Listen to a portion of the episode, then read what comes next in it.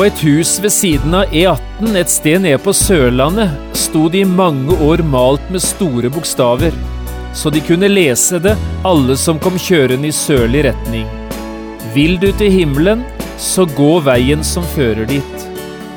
Akkurat det samme sa Jesus selv en gang til sine disipler. Jeg er veien, sannheten og livet. Ingen kommer til Faderen uten ved meg.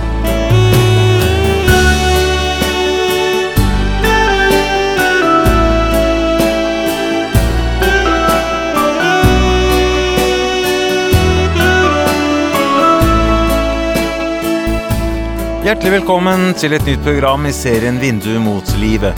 Programmet er produsert av Kristen Riksradio og blir ledet av Jon Hardang. Kristen Riksradio drives av frivillige gaver. Vi er glade for din støtte.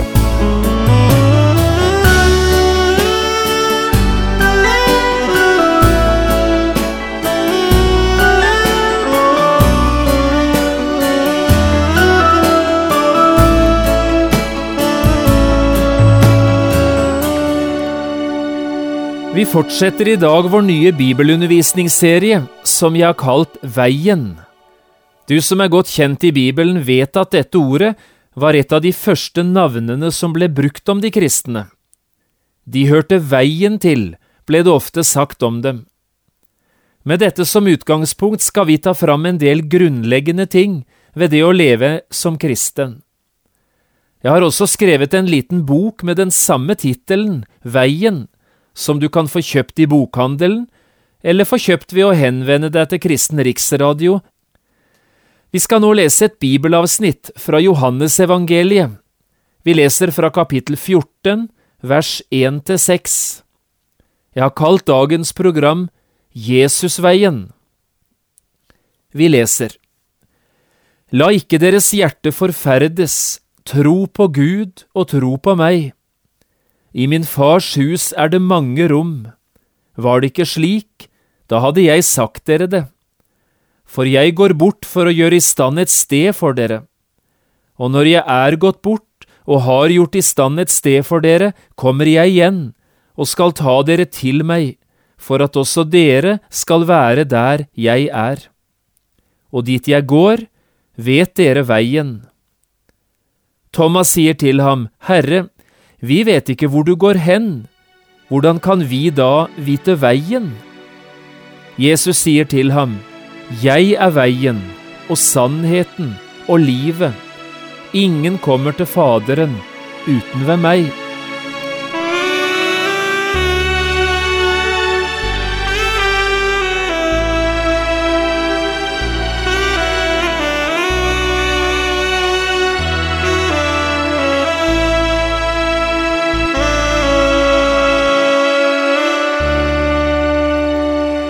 Tidlig på våren hvert eneste år samler det seg store mengder med små trekkfugler på kysten av Nord-Afrika.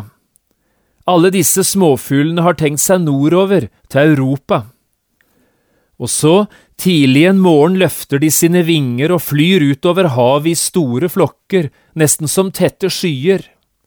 Noen timer er de borte, men så kommer mange av dem tilbake. Slitne og trøtte setter de seg ned på stranden. Avstanden ble for lang. Noen dager senere skjer akkurat det samme, småfuglene tar av sted, men må enda en gang vende tilbake. Veien over havet er for lang. Flere av småfuglene ble så trette at de falt rett ned i havet, de maktet ikke engang veien tilbake. Men en dag høres sus av vinger. Det er de store fuglene som kommer tranene og storken. Også de har tenkt seg nordover til Europa. Og nå skjer det noe helt utrolig. Småfuglene svinger seg opp i luften. Hver enkelt av dem oppsøker en av disse store fuglene og setter seg oppe på ryggen deres. Her blir de sittende den lange reisen over havet, helt til de ser kysten av Europa i horisonten. Da løfter også de små trekkfuglene sine vinger og inntar det nye kontinentet i god behold. Jeg synes dette er et fantastisk bilde. måten de små fuglene kommer seg over havet på, er i seg selv helt utrolig. Men også den illustrasjonen de er for oss, er ganske fascinerende. De små trekkfuglene bæres over havet av noen som er større og sterkere enn dem selv. Du har tenkt deg til himmelen, har du ikke? Jeg regner ikke med at du har noe ønske om å bli latt tilbake den dagen Jesus kommer for å hente sine og så gå fortapt. Her er løsningen. Her er himmelbilletten.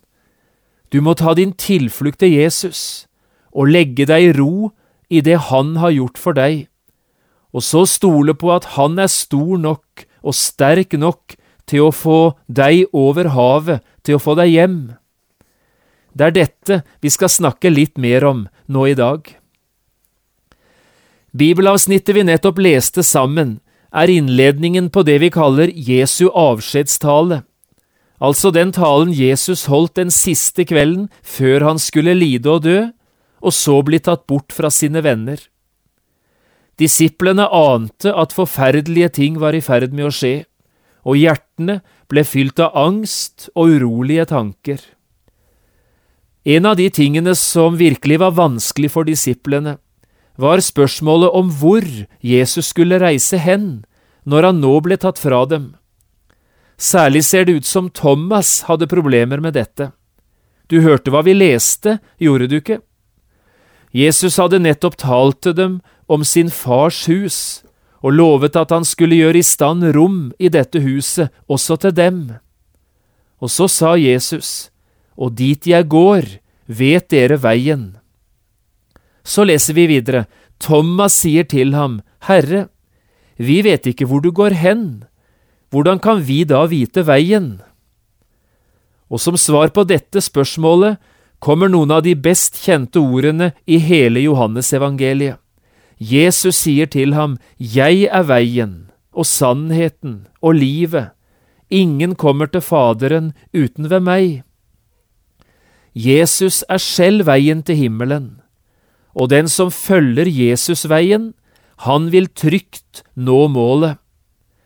Jesus vil altså ikke bare vise oss veien, han er selve veien. Og med dette er vi midt inne i temaet Bare Jesusveien fører trygt fram til himmelen. På en husvegg like ved E18 et sted nede på Sørlandet sto det i mange år malt med store bokstaver, så alle som kom kjørende sørover, kunne lese det. Vil du til himmelen, så gå veien som fører dit. Og det er egentlig akkurat det samme Jesus sier til oss her. Jeg er veien og sannheten og livet. Ingen kommer til Faderen uten ved meg. Men den som altså setter sin lit til Jesus, han når trygt fram.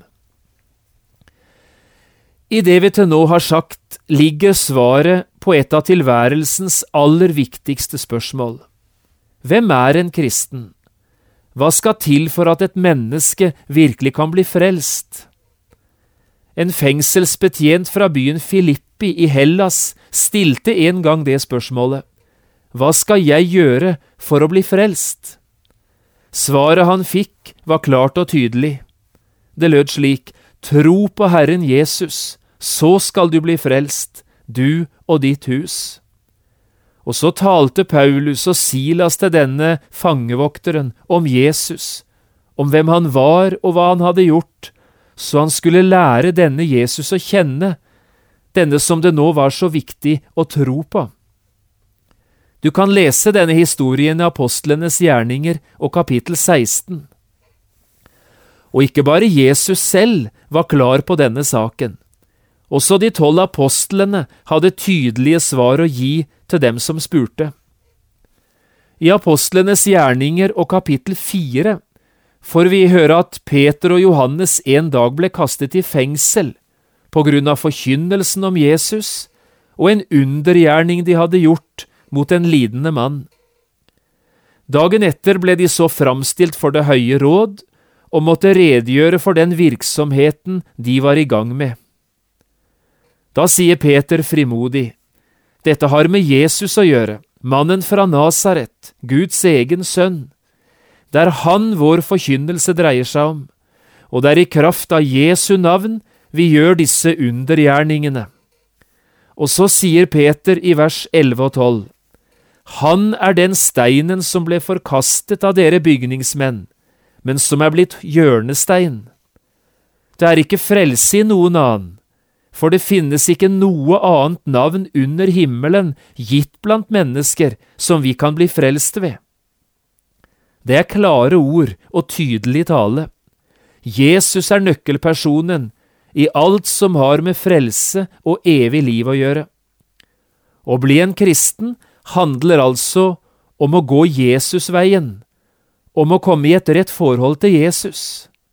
Og det å leve som kristen handler om å leve i samfunn med Jesus hver eneste dag. Det er lett å tenke annerledes, og mange mennesker også i vår tid tenker annerledes enn dette om hva det er å være en kristen. Å være en kristen, sier noen, er vel det samme som å være et religiøst menneske. Å være en kristen, sier andre, er vel å forandre livet sitt og livsmønsteret. Og noen sier å være en kristen, det er å slutte med noe og begynne med noe helt annet, det er å gjøre de riktige tingene. Slik tenker folk, de gjorde det på Jesu tid, og de gjør det den dag i dag. Men det er ikke slik Bibelen tenker. For hvis det var slik, da hadde det å bli en kristen vært noe du selv måtte få til. Det var du som måtte ta beslutningen, og det var du som måtte gjøre jobben, kanskje med litt hjelp fra Gud, men likevel, det var ditt ansvar. Men det er ikke slik det er, sier Bibelen. Du kan ikke gjøre deg frelst, du må høre deg frelst. Det var det fengselsbetjenten fra Filippi fikk oppleve. Vi hører ikke et pip om at han fikk beskjed om å forbedre seg eller forandre livet for å bli frelst. Ikke ett ord. Men han åpner seg for evangeliet om Jesus, det han fikk høre, og han tok imot det budskapet. Slik ble fangevokteren frelst.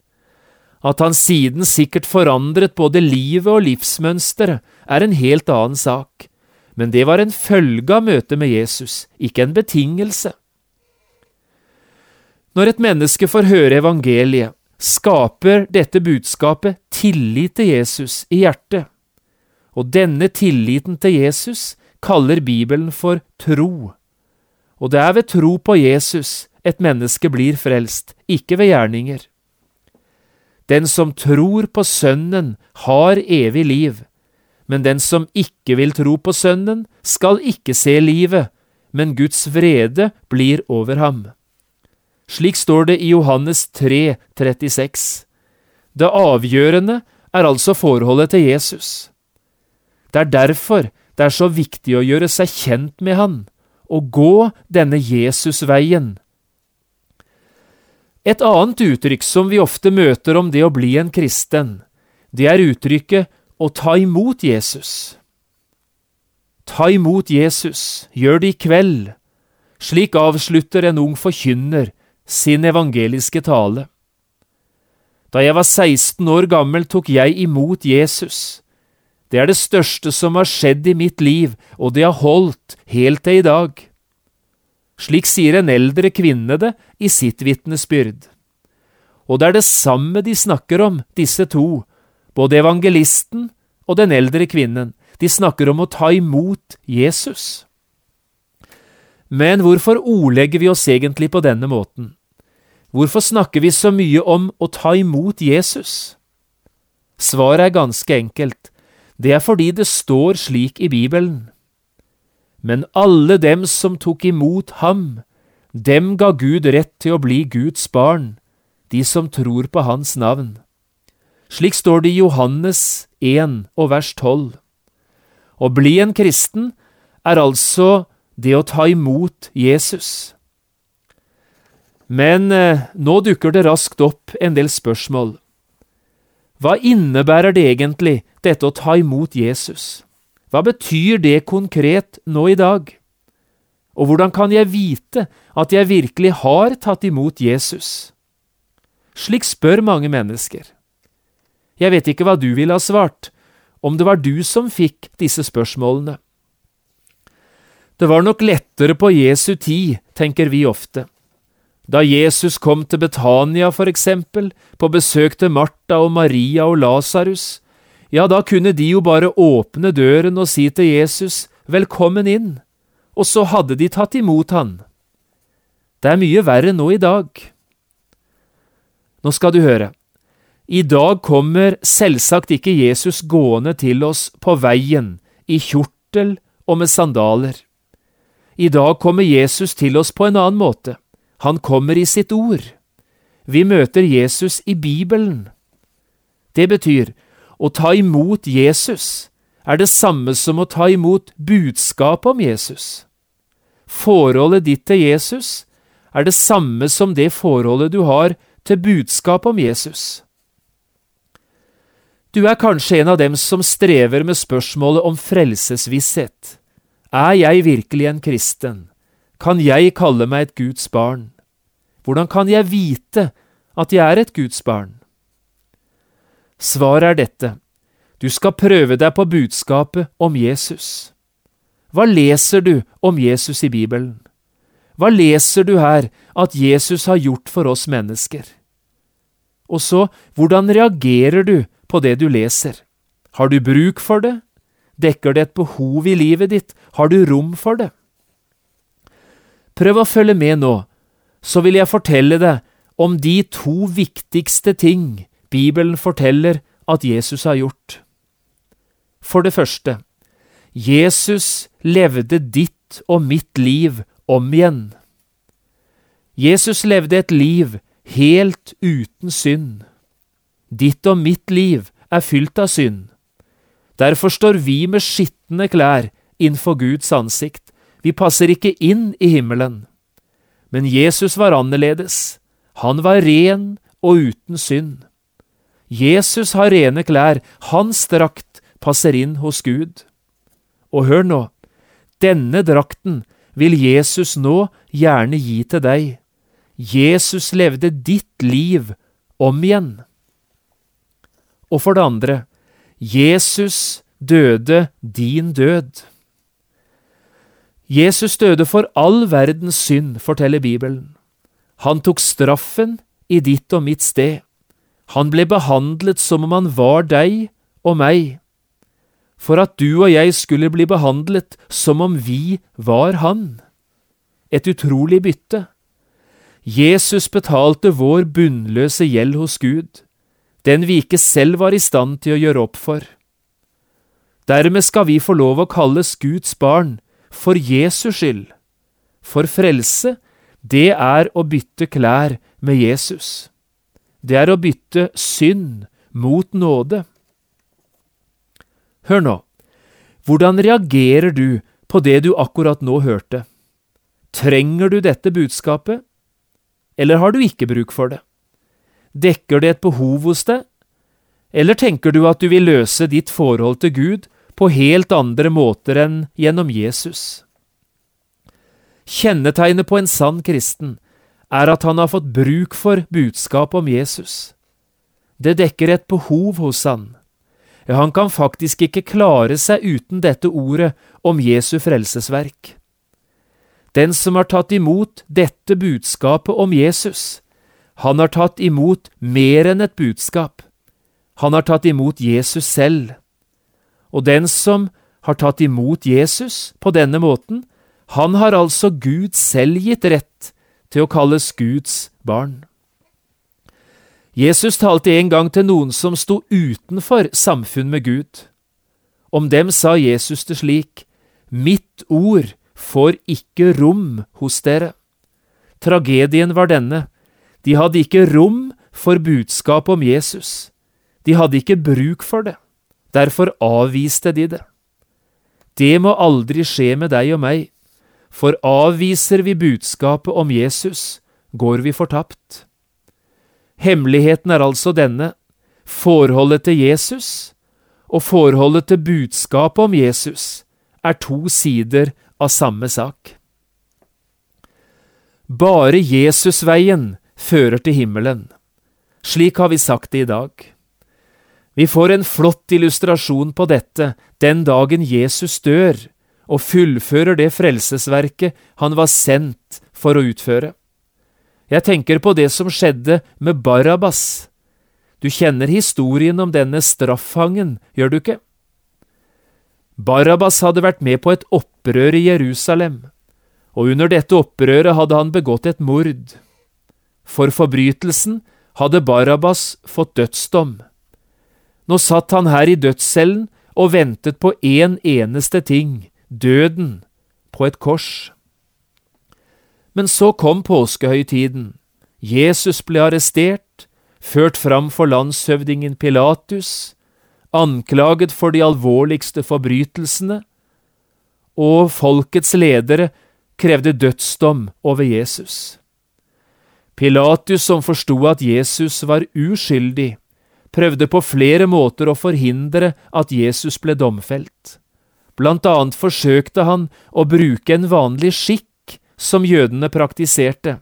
Hver påskehøytid ble én fange satt fri. Hvem av disse to vil dere jeg skal gi dere fri, Jesus eller Barabas? Slik spør Pilatus. Men til sin forskrekkelse fikk han høre folkets svar. Gi oss Barabas fri. Hva skal jeg da gjøre med Jesus, spør Pilatus. Og folkets dom var klar, korsfest ham. Og så gikk det slik folket ønsket, Jesus ble dømt, og Barabas satt fri. Inne i dødscella ble et frihetsbudskap forkynt for han som egentlig var skyldig og hadde fortjent døden. Barabas, du er fri. Jesus bærer ditt kors. Jesus fra Nasaret tar din dom. Hør nå. Jesus tok Barabas sin dom. Jesus bar Barabas sitt kors. Han tok Barabas sin straff og døde Barabas sin død. En uskyldig ble dømt for at den skyldige kunne gå fri. Dette er evangeliet i en klartekst, og dette er Guds budskap også til deg og meg. Du gikk for meg en blodig sti, og jeg som skyldig var, slapp fri. Slik synger Berthe Kanutte Aarflotte i en nydelig sang nettopp om Jesusveien. Og slik kan også du og jeg oppleve å finne denne veien. Jesus gikk din og min vei i døden, for at du og jeg skal få gå hans vei til livet.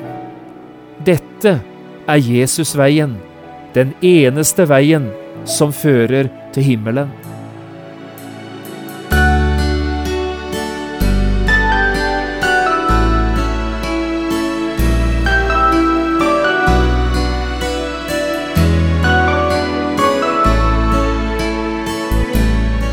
Du har lyttet til et program i serien Vindu mot livet med John Hardang. Programmene i denne serien kan også kjøpes på CD fra Kristen Riksradio, eller høres på internett på p7.no. Har du spørsmål eller kommentarer til det du nå har hørt, kan du ta kontakt med oss. Adressen er Kristen Riksradio, Skiene 2, 5353 Straume. Eller send en e-post vml alfakrøll p7.no. Takk for i dag, og på gjenhør.